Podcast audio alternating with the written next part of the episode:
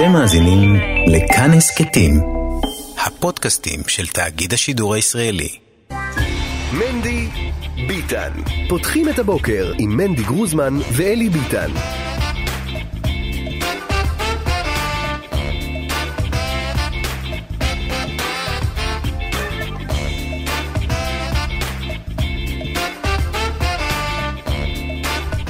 בוקר טוב, בוקר טוב, שמונה וארבע דקות עכשיו, שבוע בוקר טוב, אלי שבוע חג טוב.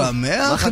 פסח שני. אה. נשמה זה שהיית בפסח ראשון, עשית כל מה שצריך להבדיל ממנו, זה לא אומר שאתה יכול להתנסה ולהגיד לא, איזה חג היום, מה חג. היום. אנחנו חוגגים את חגם של המאחרים. נכון. זה החג השיא, ואתה בכלל צריך להעריך את החג הזה. וואי, לא חשוב ממש. שמות, אבל אבל אני נוהג לאחר. זה הדבר, הקסם בעולם, הדבר היהודי ביותר, זה להקדיש חג מיוחד, מנחם מנדל, חג מיוחד לגמרי, לכבודם של המאחרים. וואו, ממש. זה פשוט, אתה יודע, אף עם אחר שיושב בבטח על אדמתו אלפי שנים ולא נע משם מילימטר, ואם הוא נע משם אז הוא יתבטל באותו רגע, אף עם אחר לא יכול להבין מה זה לחגוג את חגם של המאחרים. ממש. הרי למה ליהודים יש את החג של המאחרים? נו. צריך להבין שזה ב-DNA היהודי הזה, שרוב השנים... רוב השנים, לא רוב פה. ההיסטוריה, העם היהודי לא ישב על אדמתו. נכון. ו- ו- וזה בכלל עם שנצרב בכך שהוא לא על אדמתו. כשהוא על אדמתו, דברים מתחילים להתפזר. כן. אוקיי, אתה צריך לאסוף ולחשוב רגע איך מנהלים את זה. יהודי, דמוקרטית, עניינים. כן, מה עושים? מדינת ההלכה לא מדינת בית המשפט העליון, כן נפוצץ אותו, לא נפוצץ אותו. שאלות שלא שאלנו בגלות. כן. אף אחד בגלות לא אמר אנחנו לפוצץ את uh, בית המשפט. לא, יאללה, לא. בכינו, כאב לנו, ברחנו מפה לשם. עם שנצרב בגלות, מה זה, התורה ניתנה בגלות, אתה מבין? ההגדרה, היום הזה נהיית לעם, זה קרה בגלות. נכון, לפני שהגענו בכלל. אילו אה, נתן לנו את התורה ולא התחלנו, הכניסנו אנחנו לארץ ישראל. נוסדנו בגלות במצרים נכון. לפני שהגענו יפה, בכלל. אילו אה, נתן לנו את התורה ולא הכניסנו לארץ ישראל. דיינו. דיינו. עכשיו, אה, אה, אה, כמובן שלא דיינו, אתה יודע, אנחנו אומרים את זה בפולנית כמובן. כן. אבל אה, עדיין, הגלות, בוא נגיד, זה משהו שאנחנו מכירים. כן. אנחנו לא כמו עמים אחרים, מה שנקרא שקט, עשיו ושאנן, אין מחריד. ש- הח- 20 אלף שנה לא זז מהכפר המילימטר שלו בדרום צרפת. התחלפו דברים בפריז, אבל הוא תקוע שם, אתה יודע. 5,000 שנה. ח- 5,000, אה, 4,000, אה, 8,000. לא 8,000. לא 8,000. לא. אבל באבולוציה אומרים שמיליונים. אבולוציה אומרים! אה, אי אפשר להגיד אפילו לא. ברמז. ש- לא. אפילו לשיטוסו. לא, אין דבר. שיטה כזאת. אוקיי, אז, אה, אז אה, עם אחד זז כל הזמן, ואנשים שזזים ושאין להם בית, ושכל הזמן צריכים נוהגים לבוא, לאחר. ואתה זוכר את זה מימי רווקותך, עליזים, איחורים זה חלק מה-DNA, אין נכון. מה לעשות, אתה לא גר במקום, הבית ספר שתי דקות משם, העבודה עשר דקות משם, זה לא ככה. נכון. ואתה נוהג לאחר. נכון. ומה אתה עושה כשאתה נוהג לאחר? באופן סיסטמטי, אתה חוגג את זה. אתה חוגג את חגם של המאחרים. אם חג הפסח המקורי זה יציאה מעבדות לחירות, אז חג הפסח השני זה יציאה מעבדות לחירות, ולאחר חופשי. יפה. כי האחר יהיה זמן אה, לחגוג, אז חג שמח, חג יקירי. שמח. תשתדל לאחר היום, מה יפה. שאפשר, לאחר דדליינים, לאחר אה, להתקשר, לאחר לחזור לאנשים. מחר אפשר לחזור ולצעוק עליך, אבל היום הזה זה החג שלנו, שלך, אה, תשמח. וגם כמובן הילולתו של רבי מאיר בעל הנס, שהיום הזה, יום י"ד אה, אה, פסח שני, נקבעה אה, כדי לחגוג את אה, חגיגת אה, רבי מאיר בעל הנס. אה, ועכשיו, רבי מאיר בעל הנס לא נפטר היום. לא נפטר היום. לא יודעים מתי, לא? לא יודעים מתי, אבל עם ישראל כולו כבר הרבה מאוד שנים קבע את יום י"ד אה, באייר אה, לחגיגת, אה, לחגיגת אה, פטירתו של רבי מאיר בעל הנס. כן. וצריך להגיד שהיה פה מתח, אתה יודע, בין אה, קהילת קודש טבריה לקהילת קודש צפת. צפת, היה להם את רבי שמעון בר יוחאי בסוף השבוע ל"ג בעומר. אמרו טבריה, מה זאת אומרת, תהיה צפת גדולה מטבריה. בדיוק. קבעו ליום י"ד באייר את רבי מאיר בעל הנס. גם ירושלים חלק מהמריבה הזאת, הם קבעו את יום הילולת שמעון הצדיק אה, בשייח' ג'ראח. כל אחד, אה, כל אחת דאג מקהילות לעצמו לאיזה הקודש. צדיק. כן, בית לחם יש לך את קבר רחל, שם אה, זה. אנחנו כמובן חוגגים את היום הזה, כידוע בקהילות המזרח. אה, היום הזה, למרות שזה בל"ג בעומר, כן נוהגים לעשות הילולות ושירים אה, ובקשות ושמחה אה, גדולה. אה, בסוף השבוע, אה, ל"ג בעומר, אז אה, ברכות לך וחגיגות אה, לחוגגים, ומי שבכל זאת מחליט שלא לחגוג, לא פסח שני ולא רבי מאיר בעל הנס ולא שום דבר, שיהיה שבוע טוב, בלי שום חגיגה. למה? מה שנקרא, אה, שיהיה לך למה שמישהו יחליט. דבר כזה? יש אנשים, יש אנשים בקהל, ולא חשוב שמות, וואלה, אנחנו מאחלים להם כל האמת. שהיום, כיוון שאני עומד בפני העמוד, כן, אז uh, אני בא ככה מיד אחרי 18 להתחיל uh, את החנון, ואז האחראי על המניין, מנהל המניין, רב המניין, אומר לי כזה, "תח- קדיש, קדיש, וכזה, לא הבנתי למה, זה, הוא אמר, אמר. אמר אמר, לאף אז פעם לא מתווכחים. לדברים האלה, כי אתה יכול לצאת אז בשמיים. uh, ישר אמרתי קדיש, ואז בסוף אני שואל אותו, מה זה, עושה לי פסח שני, יפה. Uh, ופסח שני, אתה יודע, עכשיו, פסח שני כנהוג, לא זוכרים אותו. אבל אם אתה לא זוכר ומישהו אחר זוכר, אז הוא נוזף בך. אחי, גם אתה ידעת, גם אבל חלק מפסח שני זה לא לזכור. זה לא לזכור, זה חלק מהנרטיב ה- בדיוק. אה, עכשיו זהו, אצלנו אה, תמיד אה, מדגישים איזה ביידיש את המסר של פסח שני, שזה איזשהו משפט שאני חושב שמקורו בכתבי הרבי הרייץ, לא משנה, אבל אה, נשתוק עם פרפלן, שהתרגום הוא אין דבר אבוד. נשתוק עם פרפלן, כל עוד הנר דולק אפשר לתקן, וכולי וכולי וכולי. אבל כן, פסח שני, בואו נגיד את הפשט, פסח שני נועד למי שלא הקריב קורבן פסח ראשון. אה, כיוון שהיה טמא או שהיה בדרך רחוקה, ובאו לקדוש ברוך הוא והם אמרו לו למה ניגרע מהאחרים? האלה, למה ניגורע? ניגורא? מה חטאנו, מה פשענו? אה, ואז הקדוש ברוך הוא אמר להם, קחו אה, פסח אה, שני. אה, יש פה מאזין שכותב, רק כדי לחדד, פסח שני זה קורבן פסח שני, ולא מה שאנחנו קוראים היום חג פסח שני. ולצערנו הרב, השנה לא עשינו גם לא פסח ראשון, וגם פסח שני לא נעשה השנה. בנוסף, טוב, לגבי טוב, מנהג אכילת מצה, צריך לשים לב שבפסח ראשון לא אוכלים מצה. י"ד בניסן זה יום שאסור באכילת מצה. את המצה אוכלים בליל הסדר אחרי שמקריבים את קורבן הפסח. זה אומר שהמנהג הנכון לאכול מצה צריך להיות היום בערב. עובדה שזה לא, המנהג. על מצות ומרורים יאכלו, זמן מצה, מה, דיברנו על בדיוק. זה. לא צריך להתפלפל, הטיש, ה- כמובן שהיום אין שום מצווה, אבל יש עניין. יש עניין. ואנחנו מאוד אוהבים את זה. עניינים. שאין מצווה, אין אבל מצווה. יש עניין. כמו למשל, סתם אני זורק לך דוגמה, השיר תשע וחמש דקות. אין מצווה. אין אה, חובה. אבל יש יש עניין. עניין, ולכן בא לך עכשיו לאכול מצות, ללכת לטיש בסדיגורה, לאכול שם מצות, ליהנות, בית רוז'ין או סיאטין, אה, בסדיגורה, אה, בורש, בויאן, שבסוף שבוע בכלל אה. יגיעו למה דווקא רוז'ין? כל. לא, אבל בית רוז'ין נורא, זה נכון, גם אה, פרמי- פרמישלן, אה, קרצ'ניף, כל החסידויות, אה, הרבה מאוד חסידויות, אה, לא יודע, בגור לא אוכלים מצות היום, כן? בחב"ד אוכלים. חב"ד אוכלים מצות אבל היום? לא עושים טיש, אה, כל אחד אוכל. ולא שותים כלום, שום איזה משקה קטן. שותים כל יום, זה- משנה, עכשיו אה, עם עניין, יש עניין. אז, אה, אז אם בא לכם אה, מצה, תאכלו מצה. בכיף. שלכם תאכלו מצה ותזכרו אה, אה, זכר, זכר, לאותו פסח שני שהוא... כן.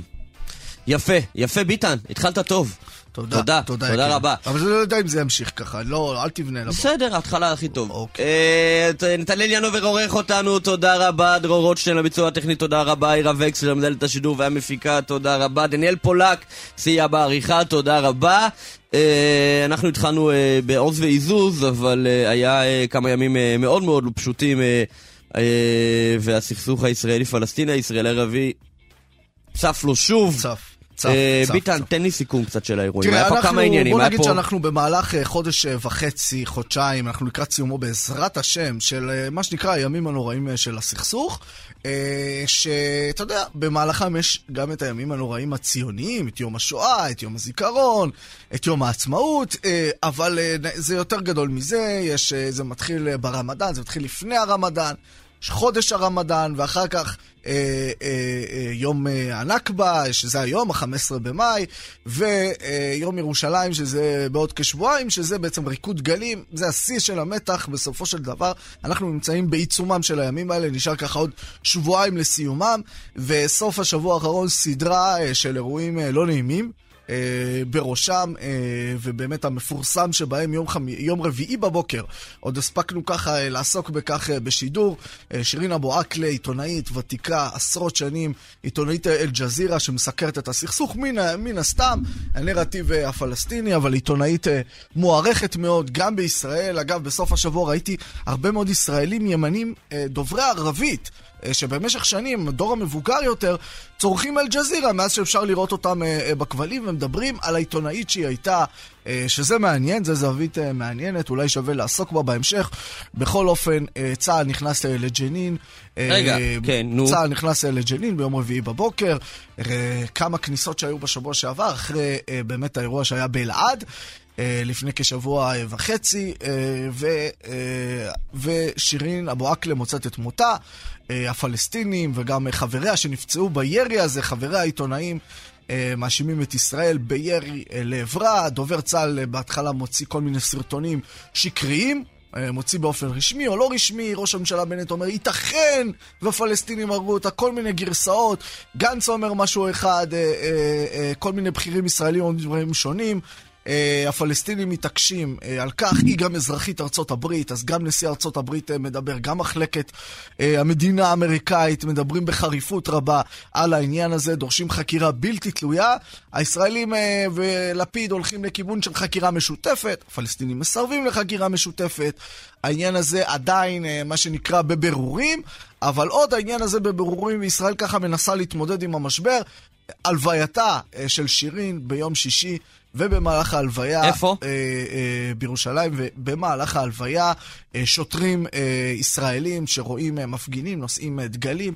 פורצים אה, לעברם באלימות, אה, אתה יודע, זו הלוויה סופר מתוקשרת, עיני העולם כולו נשואות להלוויה הזו של שירין, עיני החברה הערבית כולה, אחת העיתונאיות הערביות המפורסמות ביותר, ושוטרים פשוט פוצחים במכות, באלימות כלפי אה, המלווים. ובאיזשהו שלב ממש מכים את נושאי הארון עצמו, והארון של שירין כמעט ונופל על הקרקע, והתמונות האלה אה, אה, יחד, אתה יודע, עם כל, כל הסיפורים מסביב, גם אה, הפגנה במספרייתה, הפגנה מאוד מאוד אלימה, גל, גם אה, מותו של וליד אל-שריף, מפגין. אה, מלפני חודש אה, בהר הבית שמצא את מותו ביום שישי. כל הכותרות הללו עושים uh, קודם כל... זה לוחם ימ"מ ש... הוא לוחם ימ"מ שמצא את מותו ביום חמישי. אה, עושים מה שנקרא לישראל, אה, אה, לא, אני מדבר על, ה, על הפגיעה בפלסטינים, לא על לוחם הימ"מ, עושים כן. לישראל בעולם הרבה מאוד כאב ראש, הרבה מאוד כאב ראש הסברתי. וישראל ככה מנסה להבין האם זה כאב ראש הסברתי, רק הם התנהלו לא נכון, או שזה כאב ראש מדיני, שזה לא רק השאלה מה אתה מייחצן, אלא יש פה משהו אה, מהותי, ולכן איך מטפלים בזה. הבוקר, עם קשר או בלי קשר, אה, לכאורה בלי קשר, אבל שלוש וחצי שנים אחרי שנפל אה, בפעולה אה, בח'אן יונס שבעזה, פעולה מיוחדת, מותר לפרסום שמו של מוחמד חיר אסף, אה, שהוא אה, אה, קצין אה, דרוזי. אה, אזרח ישראל שנפל בפעולה בעזה, אה, קצין מוערך מאוד, שבמשך שלוש שנים וחצי שמו לא היה מותר לפרסום. בדיוק הבוקר אה, מחליטים בדובר צה"ל לפרסם את שמו, והפרסום הזה צובר כותרות. אולי זה איזושהי דרך להתמודד עם המשבר, ואולי אין שום קשר. אז זה סוף השבוע, היום כאמור זה ה-15 במאי, יום הנכבה, יום שעל פי החוק אסור לציין אותו בישראל, אסור לציין אותו בישראל. אה, חוק, אתה יודע, שמעלה מה שנקרא הרבה תמיהות, איך, האם מחוקקים דבר כזה, האם זה הדרך ל, אה, להתמודד, אבל זה היום הזה, גם ביום הזה צפויות הפגנות. אה, ב, ב, בשטחים ואפילו בעזה ייתכן ונראה הפגנות ולאורך כל סוף השבוע, בעוד כמה שבועות יום הנכסה אה, אם יום הנכבה מציין את המלחמה ב-48, יום הנכסה מציין את המלחמה אה, ב-67, הוא מקביל ליום ירושלים, זה יקרה ביוני. הימים האלה כולם מתוחים, כולם יכולים להביא אה, אה, להחרפה של המצב, אף אחד לכאורה אה, מבין האנשים השפויים, הנורמטיביים, לא רוצה את זה, אבל יש כאלה שכן, והשאלה, לאן פנינו מועדות? בהחלט, כן. אה, ימים אה, מתוחים מאוד, אה, וכן, נאמר, רב נגד, לוחם הימ"מ נועם רז הוא לוחם הימ"מ הראשון שנהרג בפעילות מבצעית מאז 2011, והוא נקבע מותו ביום שישי האחרון. יוני בן מנחם, חוקר בכיר במרכז הירושלמי לענייני ציבור ומדינה, שלום לך, בוקר טוב. בוקר טוב לכם. טוב, מות העיתונאית, אה, מעבר למותה, גם כמובן... שירין פי... אבו עקלה. שירין אבו עקלה, אה, פיגוע הסברתי מאוד מאוד גדול, ואנחנו יודעים שההסברה, אה, יש לה השלכות גם על הזירה הממשית. כן, תראה, זה מחדל גדול מאוד של ממשלת בנט, אבל אה, אי אפשר רק אה, להאשים את ממשלת בנט. גם אה, ממשלות לפניו אה, הזניחו את נושא ההסברה, אה, סירסו את משרד החוץ, סירסו את מטה ההסברה הלאומי. כשבנט נכנס לתפקיד, הוא הבטיח כל מיני הבטחות, שהוא ישפר את ההסברה של ישראל, הוא מינה אדם בשם אלעד טנא, נדמה לי, לראש, לראש מטה ההסברה הלאומית, אמור היה להוביל את ההסברה ביחד עם משרד החוץ ועם עוד דובר צה"ל, אבל מה שאנחנו רואים זה מחדל הסברתי ענק. של מדינת ישראל בכל התחומים, זה מתחיל בדובר צה"ל ועובר למשרד החוץ ולמשרד ראש הממשלה. אין קריאה אסטרטגית של האירועים, אין תכנון קדימה, אין דוברות רצינית, הדוברות בעיקר עוסקת ביחסי ציבור לגוף שהיא מדבררת אותו ולא חושבים על טובת המדינה, זה דבר שהוא ממש מזעזע, פה צריך לעשות ממש... אבל רגע, בפרשה הזאת ישראל גם לא התנהלה נכון בזירה הבינלאומית? תראה, היו כמה צעדים נכונים, אבל באופן כללי, אני אתן לך דוגמה, לא יכול להיות שדובר צה"ל בהתחלה, שהוא עלה לשידור מיד אחרי שנודע דבר מותה, הוא טען שמחבלים פלסטינים ירו עליה. זה דבר שגרם נזק גדול מאוד לישראל, וצריך מאוד מאוד להיזהר עם הדברים האלה, זה אירוע...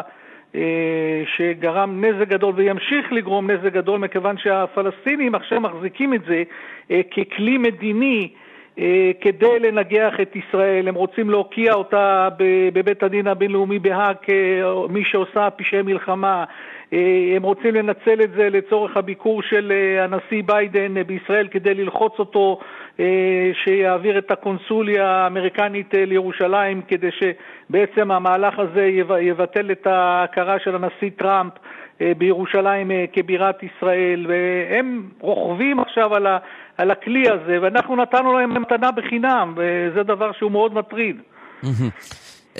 בוא נדבר רגע על ג'נין, גם העיתונאית הזאת נהרגה בחילופי ירי סמוך לג'נין. שירין, שירין אבו עקלב. שירין אבו עקלב. שירין אבו עקלב. וגם לוחם הימ"מ נועם רז, השם ייקום דמו, נהרג גם בפעילות, במהלך פעילות מבצעית, גם שם. בג'נין, שכבר מוגדרת כיום בירת הטרור של יהודה ושומרון. תראה, אם, אם אתה תיכנס לאתר של המרכז הירושלמי לענייני ציבור ומדינה, אתה תראה שכבר אנחנו לפני שנה פרסמנו סדרה של מאמרים על זה שג'נין היא בירת הטרור, והתרענו וקראנו לצה"ל לטפל בדבר הזה, ושום דבר לא נעשה. עכשיו, גם אני רוצה להגיד לך שהמחדל הזה ממשיך... ספר לנו שנייה, כי... אבל בוא תתאר קצת על, את ג'נין. כן, תראה, ג'נין, הרשות הפלסטינית איבדה כל שליטה על האזור הזה. של ג'נין, אני מדבר איתך על העיר ג'נין, על מחנה הפליטים שצמוד לה ועל הכפרים שסובבים אותה, רומאנה, קבטיה, אל-ימון, יש שם כמה כפרים בעייתיים. אנחנו מדברים על אלפי כלי נשק בלתי חוקיים שנמצאים בשטח, אנחנו מדברים על מאות מחבלים חמושים מכל הארגונים, כשהארגון המוביל זה הג'יהאד האיסלאמי, ואני מדבר גם על חומרי חבלה. חומרי נפץ, מטענים, מכל הבא ליד, ברגע שהם יקבלו הנחיות מהמפקדות שלהם, אני מאמין שגם יתחילו לייצר פיצצות, פיגועי התאבדות, הכל מוכן, התשתית היא קיימת. ופה צריך לעשות פעולה צבאית מקיפה לפרק את התשתית הזאת, כיוון שאפילו הרשות הפלסטינית היא לא הצליחה להתגבר, והיא מכירה היטב את השטח ו... ויש לה הרבה מקורות מודיעין שפועל, שפועלים בתוך האוכלוסייה שם, אז פה יש דבר שהוא סכנה גדולה לישראל, מכיוון שהמפלצת הזאת שהיא הולכת וגדלה מיום ליום, היא זולגת בטרור שלה לתוך שטח ישראל. אז אנחנו ראינו כמה מחבלים שבאו מאזור ג'נין ועשו פיגועים בתוך ישראל, כמו המחבל הזה שעשה את הפיגוע בדיזינגוף בתל אביב, והתופעה הזאת תימשך, מכיוון שהם רוצים עכשיו לנקום את דמם של אותם מחבלים שחוסלו על ידי צה"ל, והם מנסים להעביר את הטרור ללב ליבה של ישראל. עכשיו, לצה"ל יש מדיניות שנקראת כיסוח דשא, שעושים מדי פעם פשיטה על מקום כזה או אחר בהתבסס על מידע מודיעיני ועוצרים ומחסלים מחבלים, אבל זה לא מספיק. צריך לעשות פעולה רצינית מאוד, לא רוצה להגיד, לקרוא לזה חומת מגן 2, אבל משהו בסגנון הזה, לכבוש לפרק זמן מוגבל את כל אזור ג'נין והכפרים שסובבים אותו ולנקות את השטח בצורה יסודית. גם ככה אנחנו חוטפים ביקורת בינלאומית, אז לפחות לנצל את הדבר הזה שאנחנו נמצאים במתקפה בינלאומית ולעשות את הפעולה הביטחונית ההכרחית. עכשיו בוא נראה רגע, כי, כי במשך שנים אנחנו כבר התרגלנו שיחסית אה, מיהודה ושומרון כבר לא יוצאים פיגועי טרור מאז האינתיפאדה השנייה, מאז מבצע חומת מגן. אה, כל המבצעים מאז היו בעיקר אה, באמת ברצועת עזה או בסמוך אליה, אה, ופתאום זה נראה שהפיגועים מיהודה ושומרון חוזרים, אחרי שנים.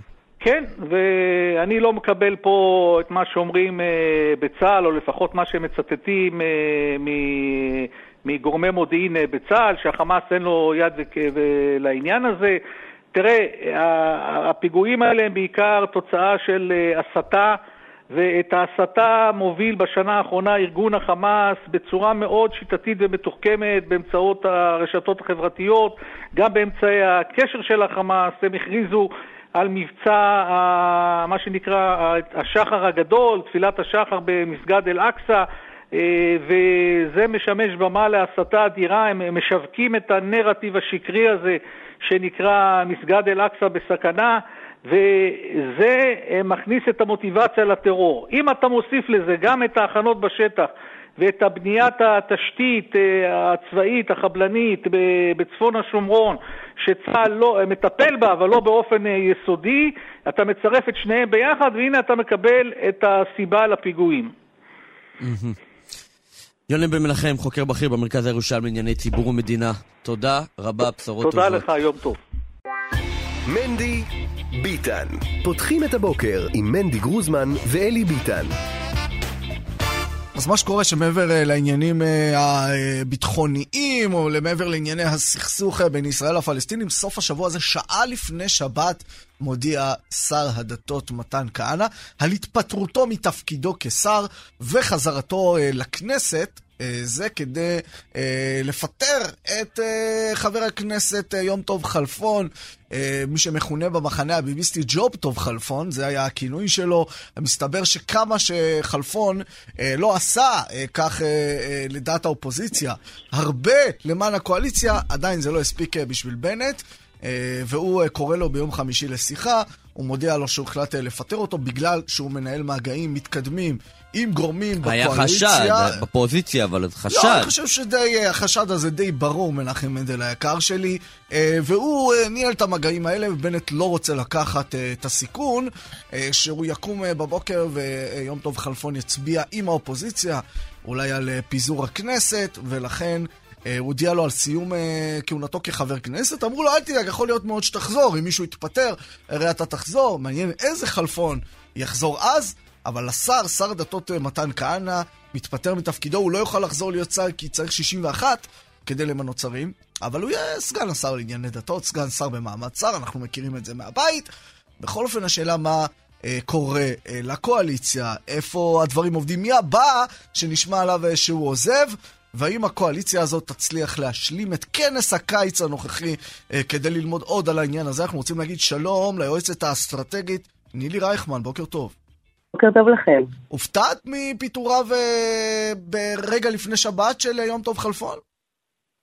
אני מודה שכן, ראיתי ראיון שהוקלט כמה שעות קודם לכן עם השר מתן כהנא, ותוך כדי הראיון הסופר התחלף מראיון עם שר הדתות מתן כהנא לראיון עם השר המתפטר מתן כהנא. אבל בשנייה שאחרי, אני חייבת להגיד שזה היה נראה לי מהלך גם מתבקש וגם חכם, אה, בעיקר מהלך שממזער את הסיכונים שעלולים לעמוד בפני הקואליציה ולנטרל מראש מוקשים פוטנציאליים, אה, או כאלה שעלולים או עשויים, כל אחד מנקודת מבטו יאמר ויקבע.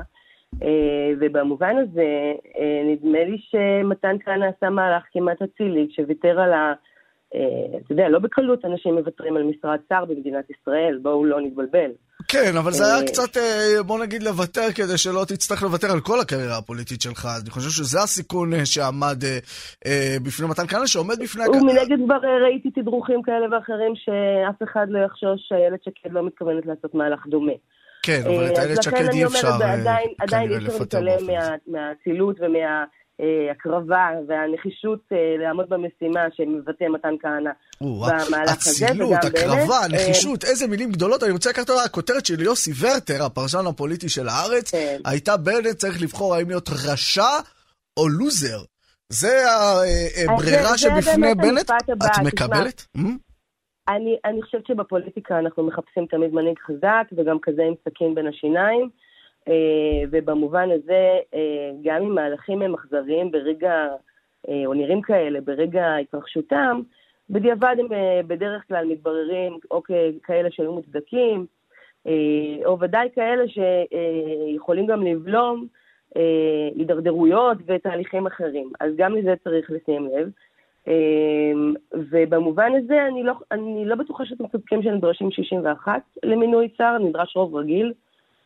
למיטב זיכרוני, אבל אני לא בטוחה בזה. טוב, כן, גם רוב רגיל הקואליציה תתקשה להשיג עכשיו. אני רק מזכירה לכם שלאופוזיציה המובנית, מה שנקרא גוש הימין, אה, יש רק 53 או 4. כן, אבל זה לא יעזור למינוי שר, אין סיכוי שהמשותפת אה, תתמוך אה, במינוי שר, גם אם היא לא תצביע על פיזור הכנסת, או על אי אמון לממשלה, להצביע, למנות שר בממשלה, בטח, לא, את, בטח את מתן כהנא אה, אה, הימני, הניצי, אה, פחות, פחות סיכוי שאפשר להביא אותם. בואי נדבר רגע על הקואליציה והאופוזיציה. בנט מתחיל את, המוש... את, הכנס, את הכנס הזה ב-60-60, הוא מתחיל את זה תוך כדי שכבר כמה שבועות קודם לכן מספידים גם משמאל וגם מימין את הקואליציה שלו, שאפילו ראשי מפלגות השמאל בקואליציה מדברים על בחירות, נראה שזה מתפרק, עובר שבוע אה, אה, מאז. את מסתכלת עכשיו, מה את רואה? תראה, אני מסתכלת על העובדות, אני חושבת שהקואליציה צלחה בסך הכל אה, שבוע מאוד מוצלח בשבוע שעבר, גם אם היו הצבעות שהם הסירו מסדר היום, וגם אם אה, הייתה הצבעה שעברה ככה מאחר והיה איזה ראיון של אחד מחברי הקואליציה. אה, בסך הכל, במשימות החשובות, בהצבעות החשובות, הם הצליחו לעמוד, הם הצליחו לייצר תחושה כלפי חוץ של יציבות על אף המכה המאוד לא קלה בכנף שהם חטפו עם פרישת סילמן, אין ספק. אה, אני כן מחזירה אותך למספרים, כי אנחנו לא ב-60-60, אנחנו ב-54-60. זה תלוי באיזו הצבעה, כמובן. אה, יש הצבעות כמו למשל הצבעת אי אמון אה, שמגיש הליכוד, שהמשותפת לא, לא מוכנה לתמוך. אבל זה יש לזה סיבה, בגלל שהמשותפת זה בעצם לתמוך בראש ממשלה חלופי. אבל אם זה כמו הצעת חוק שהייתה אמורה לעלות ביום רביעי.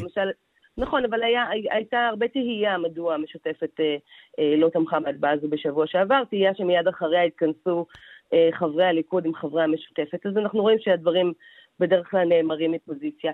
אני חושבת שבסך הכל אה, הקואליציה צלחה יפה בשבוע שעבר, אה, אבל הם צריכים, המבחן שלהם הוא, הוא מבחן יומי, אה, הם צריכים לעמוד ב...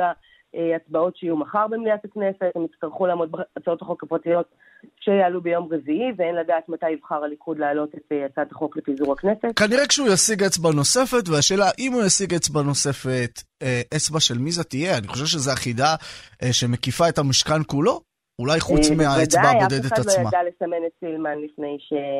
היא עשתה את המהלך בצורה ככה מפתיעה ודרמטית. השאלה אם אנחנו יכולים לדעת איפה יש סדקים בקואליציה הזו. מי, מי ההוא שאפשר ללחוץ עליו, אולי להפגין לו מול הבית? אל תתני יותר מדי רעיונות למאזינים שלנו, על ככה אולי בגדול. מי, מי לדעתך? תראה, אני חושבת שמה שמכונה במרכאות החשודים המיידיים הם די ברורים. אורבך ושקד הם אלה שסומנו מראש כאלה שאותם, וקארה כמובן, שאותם ניסו להביא אה, לגרום להם לעבור צד. אני לא יודעת, בדרך כלל בפוליטיקה אנחנו מופתעים, ולכן אני לא אה, אתיימר לנבא או לנחש מי, מי באמת האדם הבא שיעשה את הצעד. אה, נדמה לי שברור שצעד כזה יש לו השלכות והשפעות מיידיות, ראינו את זה אצל סילמן, אה, ראינו את זה גם אה, במקרה של ההפרשה של שיקלי, שגם לזה יש השלכות מאוד מאוד ברורות על העתיד שלו. הוא לא יוכל לרוץ בתוך מפלגה שקיימת היום בתוך הכנסת. אה, וזה בוודאי ישליך עליו בצורה מאוד בעייתית אה, לגבי המשך הדרך. אה, אני רק מזכירה לכולנו שכל מה שקואליציה צריכה לעשות זה לשרוד בדיוק עוד חודשיים, עד ה-15 ביולי, אז היא, הכנסת יוצאת לפגרת הקיץ, וחוזרת רק אחרי החגים. זאת אומרת, סליחה של השבועות הקרובים תאפשר לקואליציה בעצם להישאר בשלטון לפחות עד פתיחת מושב הכנסת הבא כן. באוקטובר. טוב, נילי רייכמן, יועצת אסטרטגית, תודה רבה רבה. בוקר תודה, טוב. תודה, שיהיה שבוע טוב. שבוע טוב אה, לכולם אה, כמובן. מנדי ביטן. פותחים את הבוקר עם מנדי גרוזמן ואלי ביטן.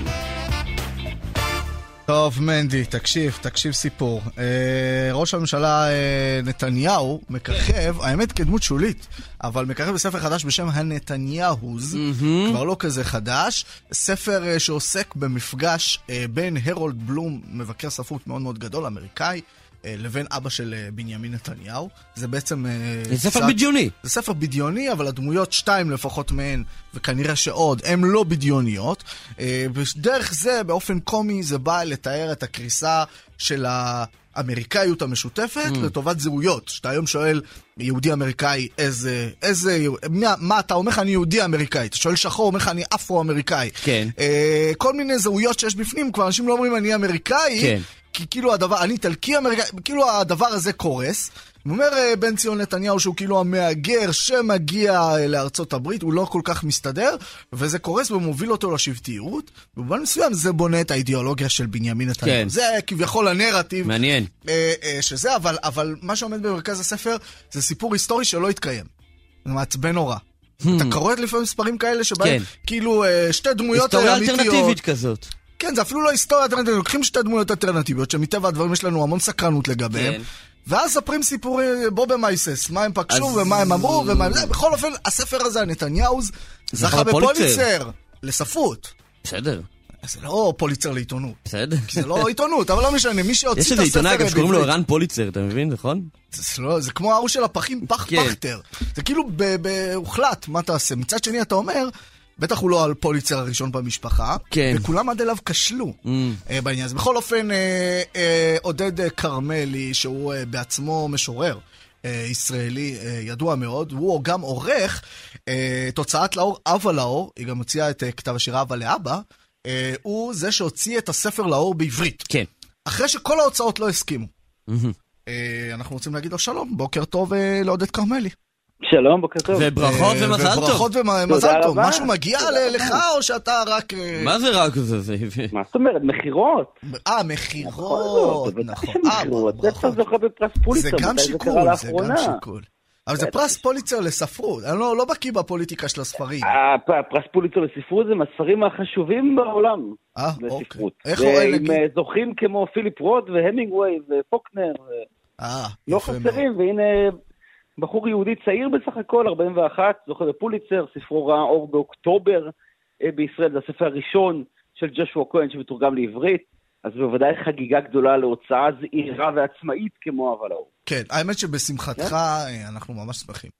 תודה, אה, תודה רבה. ובוא תספר לנו קצת על הספר. אז דווקא המפגש עצמו הוא דווקא כן מעוגן היסטורית.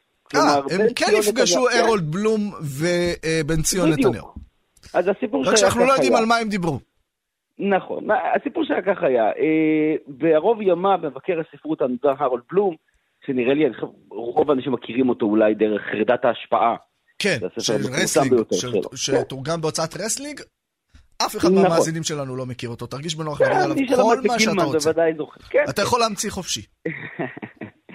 אז בערוב ימיו הרולד בלום מתיידד עם ג'ושוע כהן הצעיר, הוא ככה מאמין בו בתור אה, סופר צעיר ומבטיח, ויום אחד הם אה, יושבים אצל הרולד בלום, וביבי מופיע ב-CNN, אה, נואם שם באו"ם, והוא אומר לו, תשמע, אני פגשתי אותו פעם כשהוא היה בן עשר. אז הוא אומר, טוב, זה מרתק, באיזה נסיבות פגשת את בנימין נתניהו? ואז הוא אומר, אבא שלו הגיע לחפש עבודה באוניברסיטה האמריקאית, ואמרו לי, אמנם אין, אין שום קשר בין הנושאים, אבל אתה יהודי, הוא יהודי, תארח אותו, תראה לו. וואו, וואו. כן, משהו שאם היו עושים היום היה... היה ספר אה, בפני עצמו. בהחלט, מישהו היה מאבד את הראש שלו על הרעיון הזה בכלל. להגיד, אתה נכון, יהודי, הוא יהודי, בואו אותי. ובספר בן ציון נתניהו אומר לו, תשמע, אתה יהודי חצר. אתה בכלל לא אמור לשפוט אותי, אתה שופט אותי אך ורק כי אתה יהודי והגויים שלחו אותך. אז זה גם, זה גם עולה וצף. והרעיון הזה של מפגש, של, של התנגשות בין שני עולמות, כן, כל כך שונים אחד מהשני. הרול בלום, היהודי האמריקאי, שמתמסד ומתברגן וחי את החלום האמריקאי, לבין בן ציון נתניהו, שמגיע עם כל המשפוחה, אה, ועושה בלגן, בלגן גדול. זה לא עזב את אה, ג'ושוע, והוא כתב רומן מצחיק מאוד וחכם מאוד. אה, אני חושב גם בעיקר רלוונטי, כמו שאמרתם, מפרק את פוליטיקת הזהויות, אה, וגם את הקרע הענק, אני חושב, שנוצר בין יהדות ארצות הברית זה קטע שכל האמריקאים, במיוחד כל האמריקאים היהודים האלה, לא יודע, וג'ונתן פרנזן, וכולם כל הזמן כותבים על פוליטיקה הזהויות כדי לפרק את פוליטיקה הזהויות, אבל בגללה, בגללם אנחנו כל הזמן מדברים על פוליטיקת הזהויות. אני רוצה להגיד משהו שיש פה בכתיבה הזאת איזשהו הבדל בין איך שאנחנו רואים את נתניהו בישראל, שבו הוא המייצג של האמריקניזציה, והאדם הכי אהוב באמריקה, אהוב באמריקה יותר ממה שהוא בארצות הברית, יותר ממה שהוא בישראל. לבין איך שרואים אותו בארצות הברית, בתור מי שגדל על הביקורת של אבא שלו כלפי האמריקניות, ומייצג איזשהו אנטי-אמריקאיות. אני, לא, אני, תשמע, אני לא חושב עד כדי כך, אנחנו נוהגים להאמין, וזה בסדר, כל עם נוהג להאמין, כן, שהוא איזשהו טבור, טבורו של עולם. אני לא חושב שרוב האמריקאים מסוגלים לאייל את השם נתניהו. זאת אומרת, זה לא שהם בעדו או נגדו, אלא פשוט לא כל כך יודעים במה מדובר, בטח שלא יודעים שום דבר על אבא שלו. אה, אני זאת ועוד, אני חושב שג'ושוע בעצם מנסה לייצר כאן אלגוריה לגבי משפחת טראמפ. כן, הוא משתמש בנתניהו כמשהו קצת אה, זר ומרוחק. אה, גם אצל טראמפ יש בן ציון נתניהו? לא, אבל זה, כל הרעיון שלה, שכולנו הפכנו להיות שקועים ב, במשפחות, כן, בסגנון ריאליטי, שכבר כמעט אין לזה קשר לפוליטיקה. אנחנו כל היום שומעים על האנשים האלה ומכירים את האנשים האלה. יש פה ניסיון, אני חושב, גם לנסות לייצר מרחק. או לנכס מחדש את, ה, את המרחב הזה האישי. אה, ו, ושוב, צריך לזכור, ג'ושו קון הוא יהודי אמריקאי, דובר עברית אגב, אה, זה גם מתאר את המפגש שלו עם הארץ.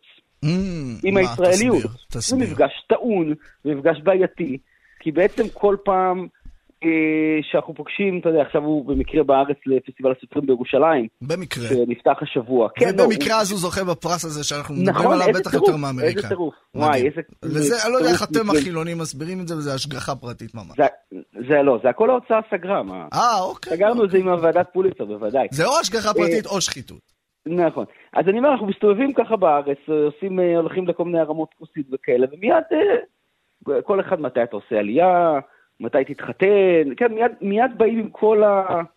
הדחפור הישראלי הזה שאנחנו אוהבים אותו, ואנחנו מבינים שהוא קצת בעייתי, כי יש בן אדם שיש לו חיים ויש לו מדינה, מביך, מביך. והיא נקראת ארצות הברית.